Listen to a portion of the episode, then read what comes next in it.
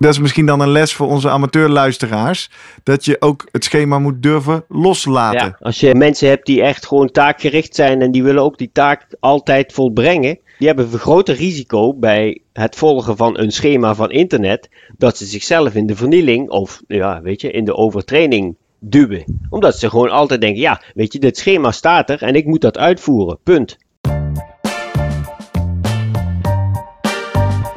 Welkom bij de Slimmer Presteren podcast. Jouw wekelijkse kop koffie met wetenschapsjournalist Jurgen van Tevelen en ik, middle-aged man in Lycra, Gerrit Heikoop. Over sport, onderzoek en innovatie. Voor mensen die hun grenzen willen verleggen, maar daarbij de grens tussen onzin en zinvol niet uit het oog willen verliezen. In deze aflevering praat ik met Jurgen over overtraining. Hoe kun je het voorkomen? No pain, no gain is het welbekende motto van alle sporters. Goed trainen is essentieel om vooruit te komen, maar voldoende herstel is hierbij ook van belang. Wanneer train je eigenlijk te hard? En hoe kom je hier zo snel mogelijk achter?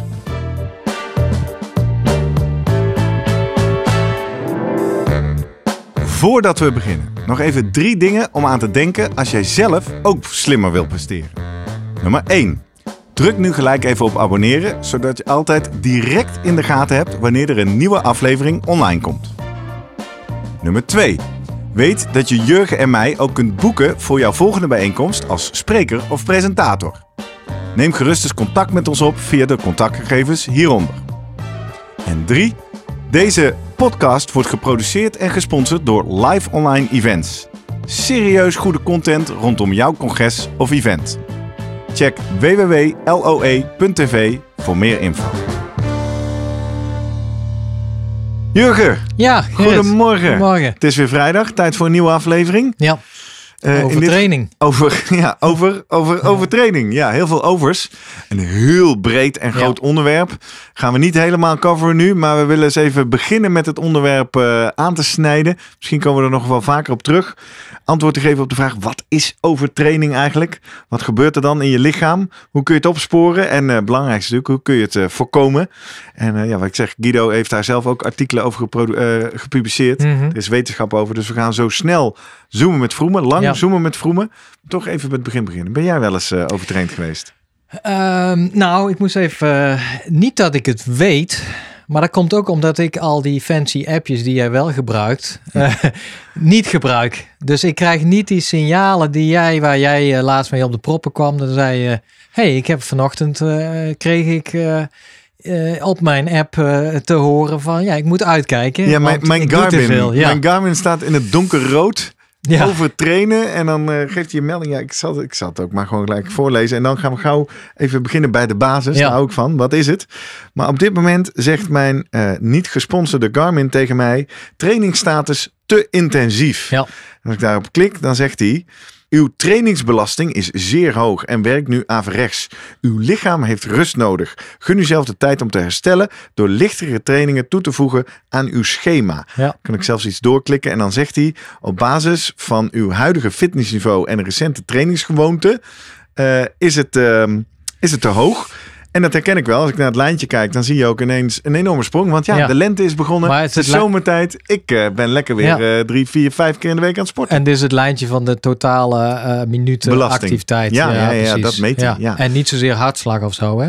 Neem ik je ik weet niet zo hoe sophisticated Nee, hij heb is je of hij er allemaal naar kijkt. Volgens mij kijkt hij misschien ook wel naar hartslagvariabiliteit. Tijd, dat hij daar ook weet, een testing ja. ziet. Maar laten we maar eens beginnen Ja, met de nee, ik- basis. ik denk, eh, Overtraining, ja. wat is dat? Nou ja, je hebt natuurlijk, volgens mij iedereen die iets van training eh, leest, een boek openslaat, eh, hoor je altijd, oké, waarom train je? En dat is om het lichaam een bepaalde stimulus aan te bieden. Nou, het lichaam raakt dan, eh, gaat daarop reageren. Eh, met de bedoeling eh, dat als je de volgende keer die stimulus, die prikkel aanbiedt, dat die, eh, daar, het lichaam daar beter mee om kan gaan. Ja. Daar, daar doe je het, hè? Dus Ja. jij wil beter worden, jij wil harder, sneller, sterker worden. Nou, dat, dat is de enige manier om het lichaam in die situatie te brengen. En dan komt er van alles op gang. Nou, we hebben het natuurlijk over het aanmaak van spiereiwitten gehad. We hebben het over de aansturing gehad.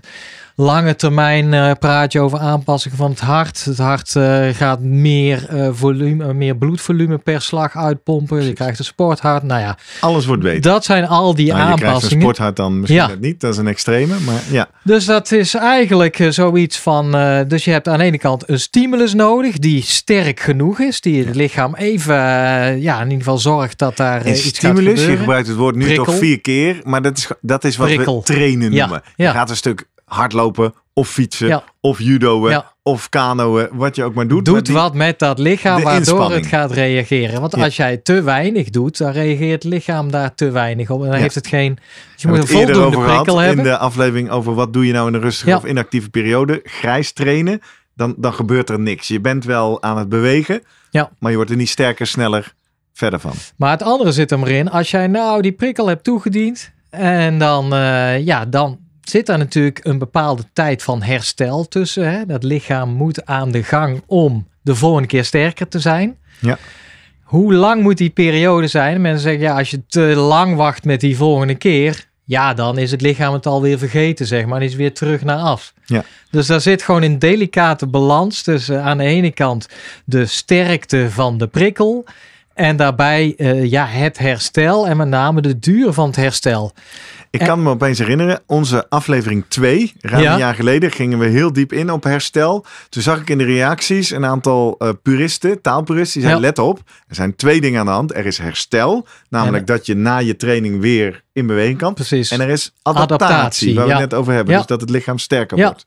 Ja, dat klopt. En die twee dingen lijken, die komen vaak, eh, do- eh, lopen door elkaar heen. En bovendien is adaptatie, is ook, eh, ja, waar ga je op letten? Er gebeurt, ik heb volgens mij wel eens, eh, een- ik las laatst een studie, ze kunnen tegenwoordig heel makkelijk natuurlijk op, eh, op RNA-niveau niveau of op eiwitniveau tegenwoordig gewoon kijken van wat doet één keer inspannen, 15 minuten op een loopband, wat doet dat met het lichaam? Mhm. Nou, dan nemen ze gewoon een druppel bloed en gaan ze eens kijken wat is er veranderd aan, nou, in binnen, binnen een aantal eiwitten of binnen RNA, dus eh, spiegels.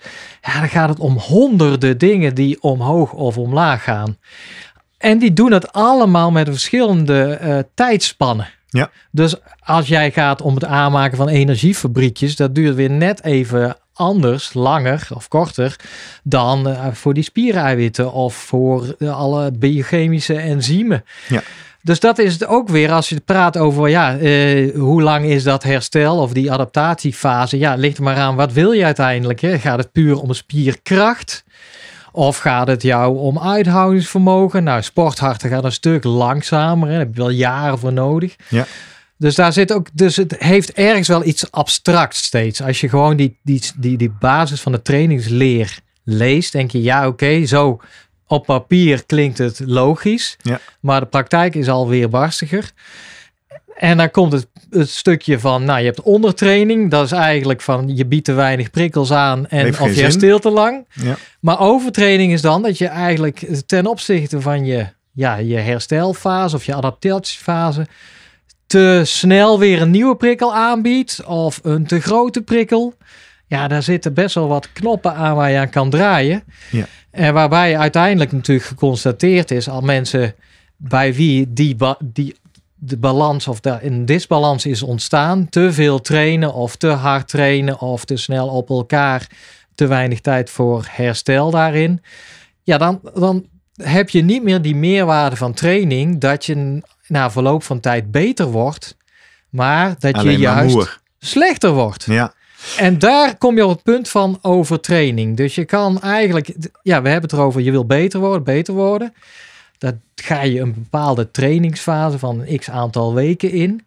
En dan hoop je na die, nou, in die zestal weken is het vaak, hè, je hebt van die cycli eh, die je dan volgt, dat je dan ook echt beter wordt. Ja. Ja, dan kan het zijn dat je zegt na die zes weken, hmm, ik ben niks opgeschoten. Ja, dat is vervelend, dan heb je niet helemaal goed getraind kan het ook zijn dat je minder bent geworden. En dan kom je op het punt dat te zeggen: hé, hey, hier gaat de verkeerde kant op. Omdat je dan ook de neiging hebt van: hè, nog harder trainen. Ja. Ik heb, want je eerste aanname is dan natuurlijk, ik heb niet genoeg gedaan. Ja. Ik zie jou nu ook, en uh, misschien kijkers op YouTube zien jou ook uh, met je hand heel veel Ja. doen. Ik moet denken aan een afbeelding uit het boek van Stans van der Poel en Koen de Jong, Sport Oké. Rusten. Mhm. Leggen ze dit ook uit, hè? Op een verticale as zeg je je prestatieniveau. Ja. Wat doet een training? Horizontale as tijd.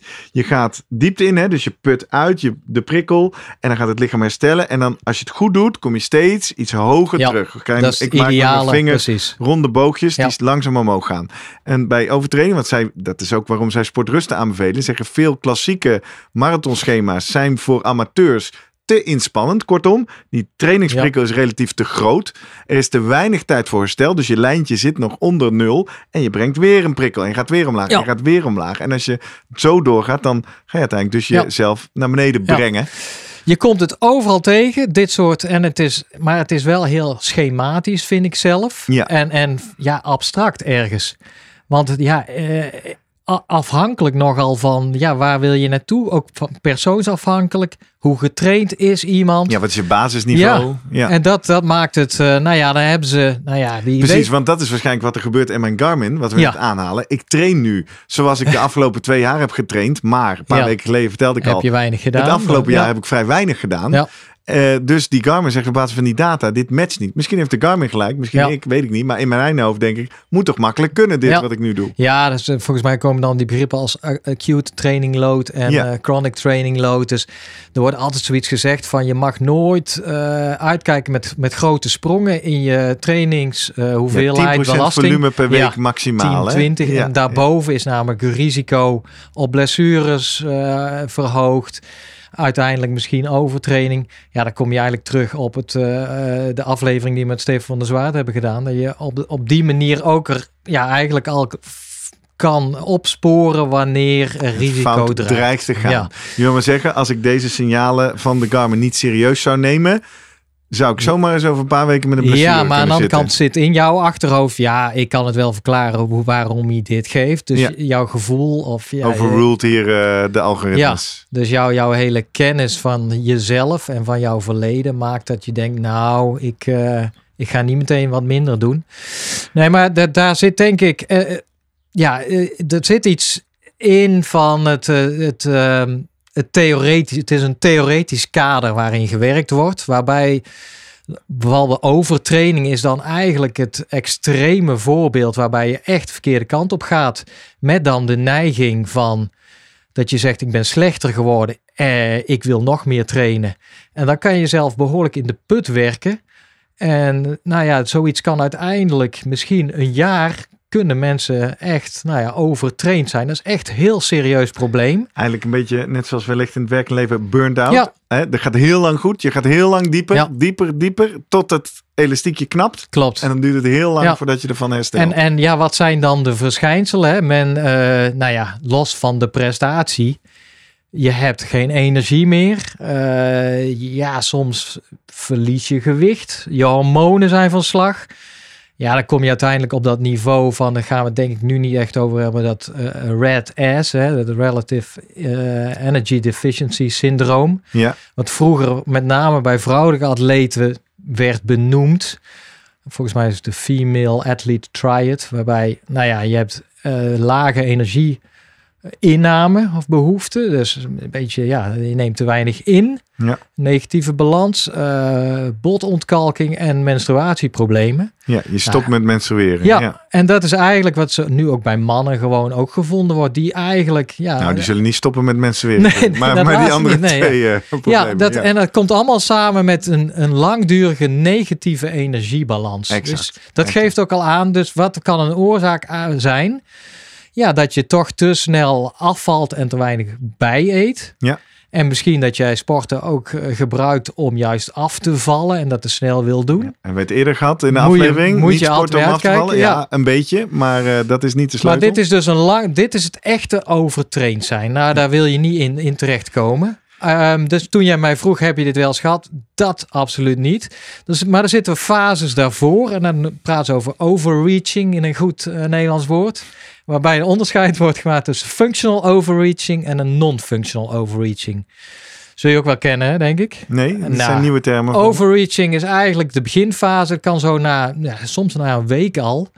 optreden. Als je puur kijkt, je gaat een week intensief echt hard keihard trainen. En Een gaat trainingskamp of zo. ja, en je Ja. gaat na die week kijken naar een maximale, maximaal test. Zuurstofopname, een maximaal eh, vermogen wat je trapt. En dan is dat allemaal lager geworden. En dan denk je, ja, ik ben een beetje eh, overtraind hier. Ja. Nou, dan zeggen ze, oké, maar als jij dan je rust gaat nemen, Ja. dan zul je toch zien dat na een week later je toch beter bent geworden vanaf begin. Precies. Dus dat is dat functioneel overreaching. Het is niet erg om even een week echt er even doorheen te zitten en minder vooruit te gaan. als je dan maar goed Als je herstelt. voldoende rust. Ja. Je kan ook non-functional overreaching. En dan ga je na die week keihard trainen. Of twee, drie weken vaak. Zeggen, nou en nu neem ik die week rust. En verdomme, na die week. Ja, dan ga je het vergelijken met toen je vier weken eerder begon. Dan denk je, ja, ben eigenlijk niks opgeschoten. Dan heb je zelf wel behoorlijk eh, in het zweet gewerkt. En behoorlijk over de kling gejaagd.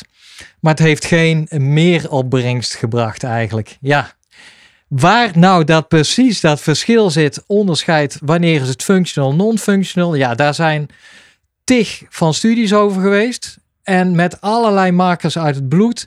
Eh, hartslag is een hele goede, wordt naar gekeken. Eh, vaak, je hebt eh, een verhoogde hartslag in rust en een eh, minder respons bij exercise. Die hartslagvariabiliteit hebben we het over gehad wel eens een keer. Een disbalans tussen je parasympathicus en sympathicus, waarbij je parasympathicus drukt op de rem voor je hart rustig aan. Sympathicus zegt van fight, flight, fright. Dus men is op alle mogelijke manieren aan het kijken hoe kan ik met een simpele maat aangeven of ik nou ja, overreach ben en dan wel functioneel of non-functioneel. En ja, als voorbode van dat ik niet overtraind raak. Toch even functioneel wordt het dan alleen bepaald door of de, die overreaching trainingseffect heeft gehad? Is dat Ja, de parameter dat of het is functioneel is of wel, niet? ja. ja, Ja, Want daar doe je het voor, daarvoor train je, daarvoor ga je op trainingskamp of daarvoor ga je zo'n zesweekse cyclus in. Exact. Alleen je kunt niet elke week eigenlijk weer die maximaal gaan testen. Ga ik ga al vooruit, ga ik wel vooruit. En, en dat maakt het dus soms een beetje spannend. Van dan ga jij een eh, bepaald traject in, keihard trainen.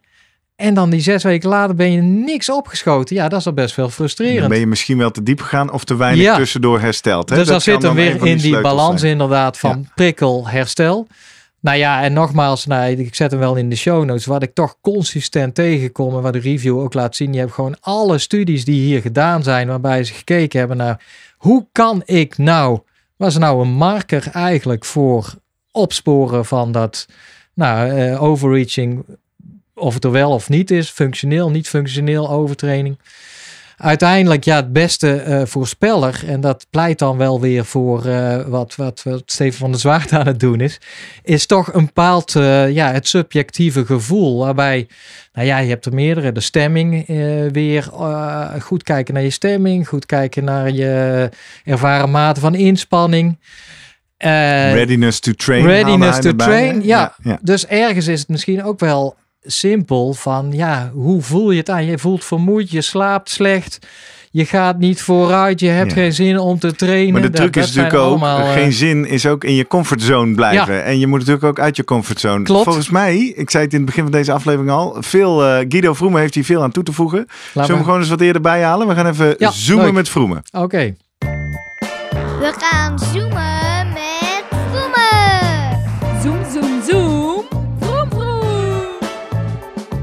Guido, goedemorgen. goedemorgen. Hey. Hey, Goedemorgen. welkom, welkom. We hebben het over een onderwerp wat jou volgens mij ook nauw aan het hart gaat. Want even googelen vond ik ook van jou een artikel op het interwebs over, eh, over training.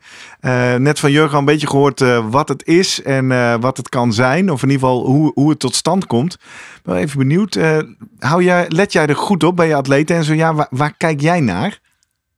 Ja, eh, absoluut. Dat is voor mij eigenlijk een heel belangrijk criterium dat ik ze daar in ieder geval van weghoud. Ehm, het is altijd eh, natuurlijk een, een, een, een dun lijntje, want als je ze te ver ervan weghoudt, worden ze natuurlijk niet beter.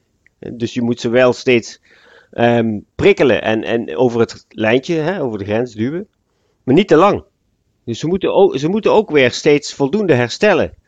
En ehm, nou in alle jaren dat ik nu ehm, werk als trainer van, van, he- van heel veel atleten, mag ik zeggen dat ik eigenlijk nog nooit iemand zo ver in het rood heb gejaagd dat hij eh, echt gewoon eruit ging. Ja. Ja, ik wou zeggen, dat is natuurlijk de volgende vraag. Ken jij mensen met overtreding? nou, in ieder geval gelukkig niet in jouw eigen atletenstal. Maar Ja. ehm, Ja. Marianne Vos is een eh, goed voorbeeld. Volgens mij is hij echt een jaar, misschien nog wel langer, echt eruit geweest. Door, eh, nou ja, burn-out slash overtraining. Want dan praten we echt over overtraining van langdurig, maanden tot, tot jarenlang niet in Kan. staat zijn om. Hè? En gewoon het lichaam echt uit Ja. balans van slag. Ja, ja maar eigenlijk wat ik, wat ik ze uit mijn eigen praktijk haal, en dat zijn dan mensen die in de praktijk komen die eigenlijk niet meer weten hoe ze vooruit moeten komen, eh, omdat ze deze klachten allemaal hebben. Ehm, bijna nooit is de oorzaak dat ze alleen maar te hard hebben getraind. hmm, Leg uit. Bijna, nou ja, wat is dan wel? Bijna altijd is de oorzaak de stress eromheen. Oftewel de sociale stress die erbij komt kijken, die alle herstel wat je nodig hebt voor je fysieke training, die niet extreem heel veel hoger is geweest dan anders, maar die het herstel is door alle andere stress op het werk, in de relatie, noem het allemaal maar op, is daardoor zo slecht geworden dat je eigenlijk van die fysieke stress van die normale training niet meer herstelt en alleen maar slechter werd. Dus mensen volgen eigenlijk een, een trainingsschema wat ze al vaker hebben gedaan. En in het verleden werden ze Ja. daar beter van, maar op een gegeven moment niet meer. Waardoor ze gaan twijfelen, hey, doe ik nou te veel? En dat zit hem dan vooral in van, ja, misschien doe je het, je doet te veel ten opzichte van eh, het herstel wat je neemt, omdat daar ineens een extra factoren bij gekomen zijn. Dat Ja. klopt, op die manier. Ja, ja, want eigenlijk proberen ze nog steeds dezelfde fysieke activiteiten te doen. Die trainingen zijn niet heel anders, misschien een beetje meer, maar dat hoeft nog niet eens. Maar geen rekening houdend met dat het slechter slaap, korter herstel, eh, dat soort zaken allemaal er is. Misschien ziek geweest. En daardoor niet teruggegaan zijn in, in belasting, wat eigenlijk nodig was geweest. En dus tekortschieten en daardoor slechter worden. Maar dan heb je twee knoppen waar je aan kan draaien. Natuurlijk de ene kant de herstelkant of de, de, de extra stress daar wegnemen. Als dat lukt. Of inderdaad aan de trainingskant. Eh, waar ga jij aan draaien dan? Ik draai aan alle knoppen tegelijk. Ja, Maar aan één knop draai ik altijd wat meer dan aan de andere. En eigenlijk eh, is voor mij van belang ehm, hoe de atleet zich voelt. Hè? Tijdens een training, na een training. Ehm, heeft hij zin om te trainen? Ehm, voelt hij zich fit? Eh, eh, heeft hij eh, ehm, eh, eetlust? Al die zaken die, die subjectief worden ingevuld. Als dat eigenlijk allemaal positief blijft, dan kan ik zeg maar aan de knop draaien van training plus 1 of plus 2. Hè, dan ga ik omhoog. En op een gegeven moment gaat, ja, weet je, dan gaat het de andere kant op. En dan, dan begint, nou ja, dan begint je een beetje te piepen en te kraken. En dan wordt het al, oh, het was allemaal zwaar en moeizaam. En hartslag kwam niet omhoog. En dan denk ik, oké, dan gaan we dus niet meer aan die trainingsknop draaien. Hè, misschien wel zelfs min 1. En herstel moet omhoog. Hè, daar moet meer komen. En dan merk je, in, nou ja, niet direct in de eh, dag daarna, maar misschien twee of drie dagen daarna, als je daar snel op reageert, is het ook weer oké. Ik zit nog even, want we zitten al helemaal in hoe los je het op. Maar ik was nog even bij het begin, Guido. Hoe detecteer je? Je zegt er al iets van. Ik kijk heel veel naar die subjectieve, naar die kwalitatieve data eigenlijk. Daar hebben we laatst ook een aflevering over gemaakt. Eh, welke parameter is daar voor jou belangrijk? Of, of kijk je ook naar harde data? Ik hoor je net, Jurgen net iets zeggen over hartslagvariabiliteit. Wat, wat zijn voor jou de parameters die je in het oog houdt? Ja, nou ja, wat je al noemde, die hartslag, rustpols, heart rate variability, dat zijn wel harde data. Maar daar neem ik eigenlijk nooit een beslissing op. Als die heel slecht is, dan is het niet zozeer dat ik denk, ah, dit is eh, de grens, nou moet ik eh, iets doen. Ehm, en eigenlijk blijven, zijn mijn ehm, beslissingen eigenlijk, eh, de belangrijkste zijn die subjectieve commentaren van de, van de sporter. Als die, als die echt gewoon zegt dat hij moe is, dan is hij gewoon moe. Weet je, en als hij, dan kun je ook wel moe zijn in je hoofd. Van een zware dag, dat kan ook. En ehm, dan heb ik meer, zeg maar, een stijlregel. Ga gewoon beginnen aan de training. Als het na 15 minuten nog steeds echt zwaar is en super moe is, draai dan maar om en ga maar lekker rusten. En soms uh, verdwijnt het dan en dan is het niet zozeer die fysieke vermoeidheid die er is, maar dan was het puur de mentale vermoeidheid van de dag bijvoorbeeld. Uh, dus dan kun je die training wel doen. Maar als iemand echt al heel veel vermoeidheid, over heel veel vermoeidheid klaagt, en zeker ook als er veel zware trainingen of wedstrijden zijn geweest, ja, uh, dan luister ik daarna en dan, dan ga ik echt skippen in het trainingsprogramma. En dan ga ik dingen weghalen en eventueel rustdag invoeren. Actief rustig, een, een uurtje fietsen, alleen maar rustig. Dus dan grijp ik daarin. Ja, laat jij dan je atleten uh, elke dag sturen zij eigenlijk bijvoorbeeld s ochtends ook al een klein uh, lijstje op van uh, hoe ze geslapen hebben en of ze zin hebben om te trainen. Of gaat het ja. eigenlijk gepaard gewoon als zij hun training hebben gedaan, na afloop vullen ze bij de commentaren wat extra in. Of heb je het inderdaad strak in de gaten? Dus ook op dagen waarop misschien niet eens getraind wordt, dat je het al, al weet van ah, de volgende training ga ik rustig aanpakken. Ja, veel atleten, uh, hoe serieuzer de atleet eigenlijk met al zijn zaken bezig is en, zich, uh, en zijn prestatie uh, en ook zijn herstel, um, hoe meer ze invullen. En in, in, mijn, in, in Training Peaks kun je, al, kun je bij de metrics kun je een aantal dingen laten aanvinken. En um, ja, dat, dat, is stress en, en stijfheid en, en, en nou ja, zin om te trainen en eetlust en hoe je je voelt, et cetera, die dingen. En als je daar eentje bijvoorbeeld aanvinkt die heel laag scoort, dan weet het systeem van, oh, dan komt er eigenlijk een soort rood stoplichtje bij mij binnen van, hé, hey, er heeft iemand iets slecht gescoord. En het kan best zijn dat je dan een keer slecht geslapen hebt, omdat je daaronder zit. Maar dat zijn weg maar, nou ja, belletjes die dan kunnen rinkelen en daar doe ik iets mee of niet op dat moment. Als iemand dan ook nog klaagt van oh, ik voel me heel slecht en, en, dit is niet normaal, ja, dan, doe, dan ga ik er wel op ingrijpen. Dus het is echt wel um, een, een actie-reactie. Wat, wat het, als de atleet mij iets aangeeft wat niet goed is in mijn ogen, dan ga ik daarop reageren. Ja. En doe je nog dingen, Guido, om te zorgen ik stel jou deze vraag vaker en misschien is het te veel projectie. Maar ik kan me voorstellen, als ik uiteindelijk kies om te durven gaan trainen met een coach als Guido Vroemen. Dan ben ik super gemotiveerd. Dat zeg je ook altijd. Hè? Ik werk alleen met atleten die het beste uit zichzelf willen halen. Dan ja. uh, wil ik jou natuurlijk ook niet teleurstellen. Dus dan ja. ontstaat natuurlijk ook een soort mentaal proces dat ik ja. tegen mezelf zeg. Niet piepen, weet je wel. Knallen. Hoe, hoe haal je die ruis eruit? Klopt.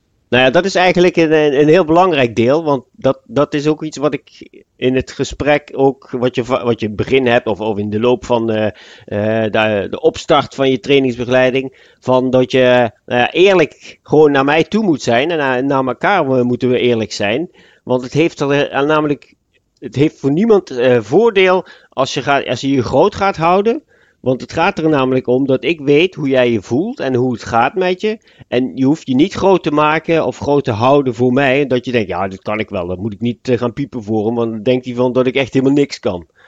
Dat, dat is namelijk, dan kan ik je niet goed helpen. Dat is het eigenlijk. Hè? Weet je, als jij mij eerlijk vertelt van dat je je heel slecht voelt. En daar heb ik wat aan. Dat is voor mij de meest ja, belangrijke informatie zo moet je met elkaar eigenlijk, zo kun je elkaar het beste helpen. Hè? Het, is, het is niet een, een systeem zoals ik werk, zeg maar, dat uh, je moet maar doen wat ik doe of wat ik zeg. Um, en dat is het beste. Nee, het gaat erom dat we elkaar samen helpen, zodat hè, ik met mijn kennis en jij met jouw performance dat het hoogste komt. Ja. Dit is nu, besef ik me natuurlijk ook wel een gevaar. En, en laat ik ook, uh, volgens mij moet ik twee dingen zeggen. Eén, Guido Vroemen sponsort deze podcast niet. Tegelijkertijd snap ik ook dat dat is niet voor iedereen weggelegd. Dus uh, dat is misschien ook wat gevaar. Als je natuurlijk met, met schema's, hè, internetschema's aan de slag ja. gaat. Die laten geen ruimte voor dit eerlijke gesprek en het bijsturen. Nee. Dus dan is het risico natuurlijk nog groter dat je denkt, ja, het schema zegt dat ik dit moet doen. Ik moet door. Ja. Dus ik zit meer te zoeken, dat is misschien dan een les voor onze amateurluisteraars. Dat je ook het schema moet durven loslaten. Ja, ja, ja. ja. En dat is vaak voor hè, het type persoon. Als je heel, heel uh, um, um, of mensen hebt die echt gewoon taakgericht zijn en die willen ook die taak altijd volbrengen. Ja, die zijn heel, nou ja, bij, die hebben een vergroot risico bij het volgen van een schema van internet, dat ze zichzelf in de vernieling of, ja, weet je, in de overtraining duwen. Omdat ze gewoon altijd denken, ja, weet je, dit schema staat er en ik moet dat uitvoeren, punt. Ja. Ik, ik was eigenlijk benieuwd over de, eigenlijk de tijdspannen waarin je kan gaan ingrijpen. Wij, als je gewoon de, de, de klassieke tekstboeken of op websites, dan heb je het altijd natuurlijk. Je hebt eh, meestal over die trainingscycli van ongeveer zes weken, hè, worden vaak aangenomen, toch? Dan in die Ja. zes weken hoop jij een bepaald trainingseffect te bewerkstelligen. En toen eh, hadden we het, eh, had ik met Gerrit al een beetje in, in de leiding over van ja, je hebt dan. Je kan de pech hebben van dat eh, overreachen, dat het non-functional overreachen lees. Na zes weken ben je toch niks opgeschoten, helaas.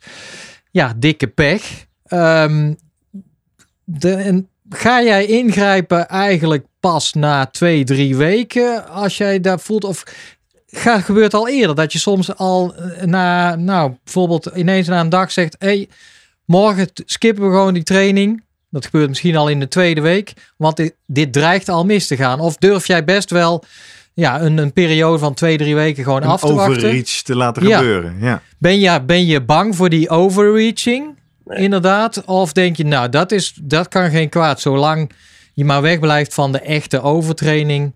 Nou, is er altijd voldoende tijd om te herstellen. Ja, ja, nee, die laatste, weet je. Ik eh, ben zeker niet bang eh, eh, om mensen wat verder te duwen en ook wat lang, eh, een week even nog extra erbij te doen. Ook al denk eh, het is zwaar en zo.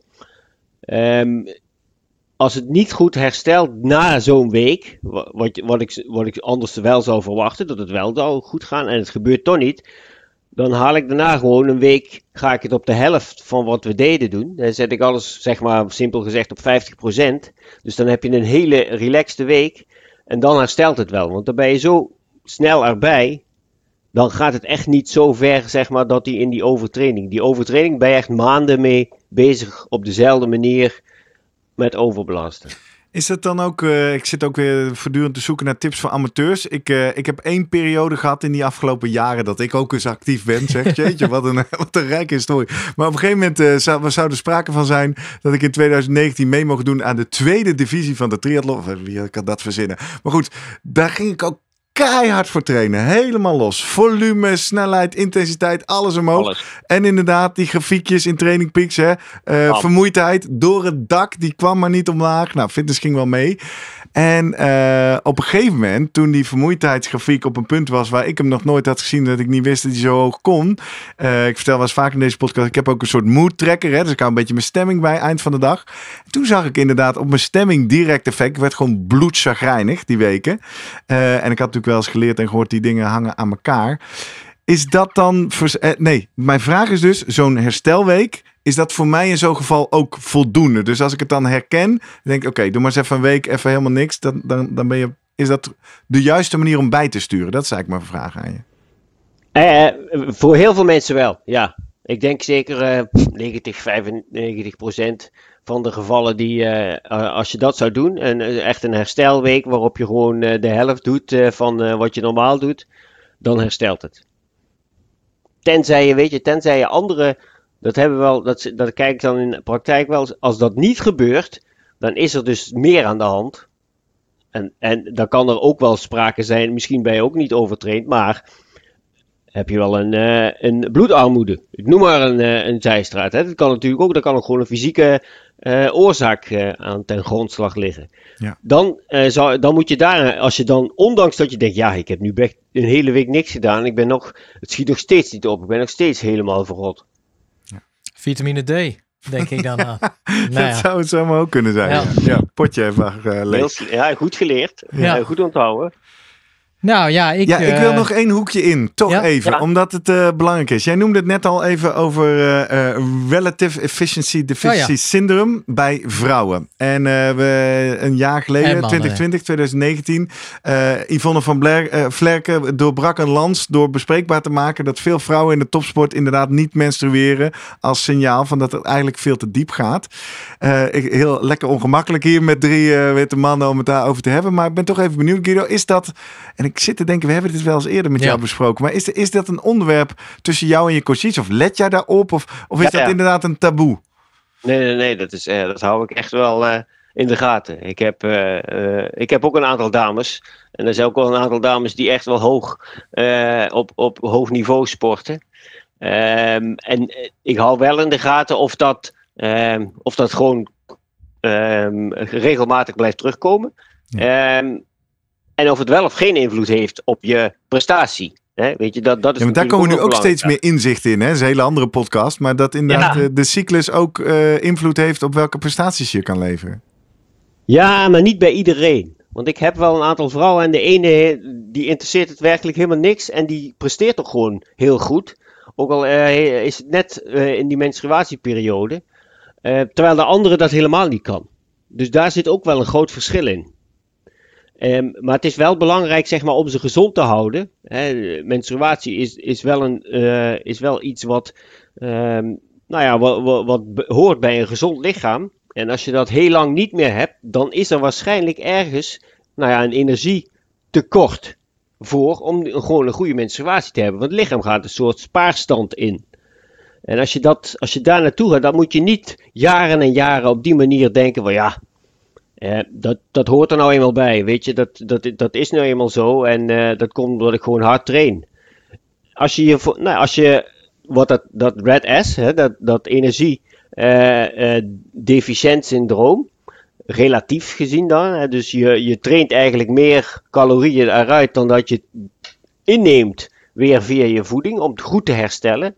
Als je dat heel lang ehm, eh, blijft volhouden, dan gaan er een aantal processen die krijgen gewoon te weinig energie. En dan, dan, krijg je, dan gaat het daar haperen.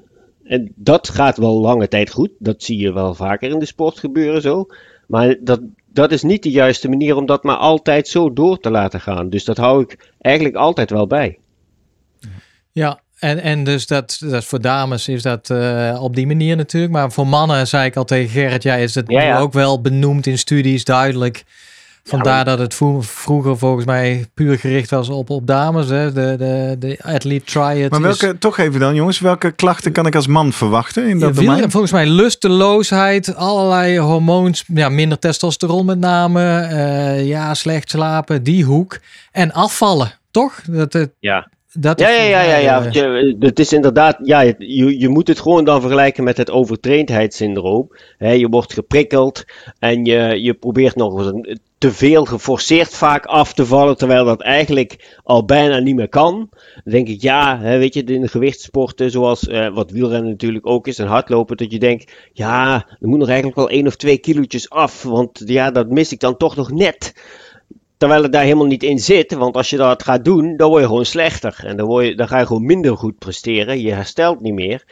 En dan krijg je dat, dat soort klachten dat je gewoon eh, ehm, je prestaties achteruit gaan. Waardoor je ook weer extra eh, slechte eh, gemoedsrust krijgt, geprikkeld raakt. Je denkt, ja jeetje, het gaat nog slechter. En ja, dat zijn de, de kenmerken daarbij. En doordat jij net het woord syndroom gebruikt, ook voor overtraindheid, snap ik nu ook beter het verschil. Want dus overtraindheid gaat veel meer over inspanning en te weinig rust, niet kunnen herstellen. Terwijl dat eh, relatieve efficiëntiesyndroom veel meer gaat over de intake van energie en eh, structureel te veel uitgeven. En daar, is, zijn dat eigenlijk verschillende dingen met misschien vergelijkbare effecten. En allebei te maken met te fanatiek met je sport bezig zijn. Ja, ja, ja. ehm, het belangrijke bij dat relatieve energietekort is het gewoon dat je ehm, ja, te weinig calorieën intake hebt. Hè? Slecht voor jezelf zorgt na de, na de trainingen. Hè? Die trainingen doe je nog steeds goed en, en je hebt op, ondertussen wel redelijk wat, vaak wat eh, reserves. Ehm, maar ehm, die moet je dan na de trainingen steeds wel voldoende bijvullen. Om goed te herstellen en de volgende dag ook weer goed te kunnen trainen. Ja, En ik dat begin te, waar- begin te lachen, Guido. Want pas op, hè, we moeten er goed bij zeggen. Dit speelt in de topsport. Ja. Voordat al onze iets te rondbuikige amateurs denken... nou, ik heb goed gefietst. En Guido zei, ik moet het even goed aanvullen. Ik zie mezelf al zitten met een stukje taart. Ja, maar het is toch denk ik een misverstand nog steeds. Van wat, wat we wel vaker roepen van mensen die denken van... oh, ik moet wat kilo's kwijtraken en eh, oh, ik ga, ik ga sporten.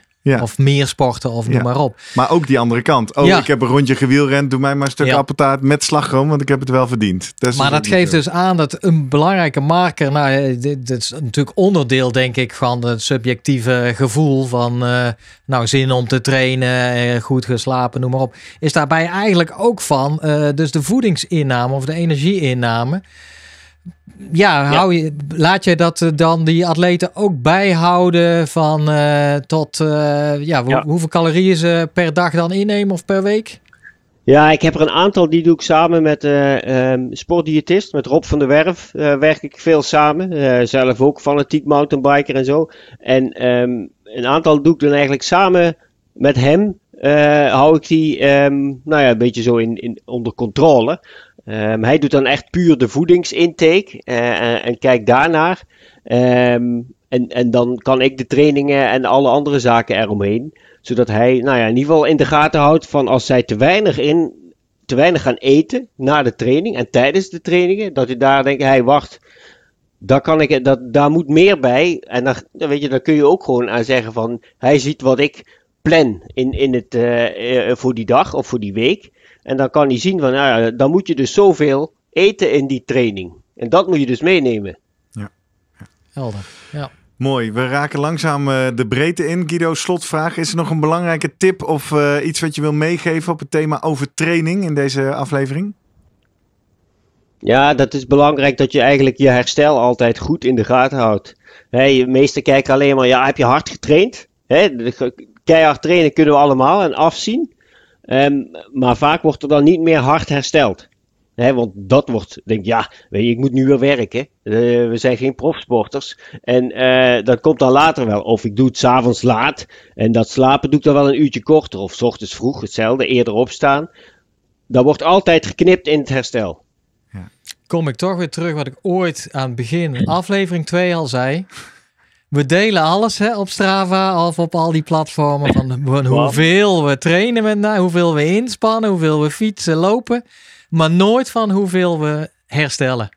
Hoeveel we rusten. Precies. Ja, dat is de white space op de Strava timeline. Gaan we doen. Dankjewel Guido. Ik uh, richt me even tot uh, jou, luisteraar of kijker. Ik ben benieuwd over training. We zeiden al, het is een groot onderwerp. Misschien zeggen we wel, nou, ik weet nu wel genoeg van. Goed slapen en niet beknibbelen op mijn rust. Maar ik kan me ook voorstellen dat je nog wel wat vragen hebt of de diepte in wil. Of misschien wel jouw eigen verhaal wil delen over hoe jij ooit overtraind bent geraakt. Of net niet, of net wel. Of hoe jij dat in de gaten houdt. Dat kan via vele wegen. Bijvoorbeeld op uh, Twitter en Instagram zijn we te vinden als de Slimmer Podcast. Van iedere aflevering en dus ook van deze staat daar een post waar je op kan reageren. En die je kan delen met mensen voor wie deze aflevering ook interessant is. We hebben ook een website www.slimmerpodcast.nl. Daar vind je een unieke pagina van iedere aflevering en zo ook van deze. Die je ook goed door kan sturen naar mensen voor wie die interessant is. Maar dan kun je ook reageren. Vinden we leuk. Als je zegt nou, ik ben niet zo'n uh, publiek figuur. Dan kun je natuurlijk ook even mailen naar post.slimmerpodcast.nl. Dat vinden we hartstikke leuk om van jou anekdotes te lezen. Jouw vragen spelen we door naar Guido. En als we genoeg vragen hebben, maken we er een nieuwe aflevering van. Dankjewel Guido voor deze week. Jurgen, ja, bedankt. Tot volgende week. Tot volgende week.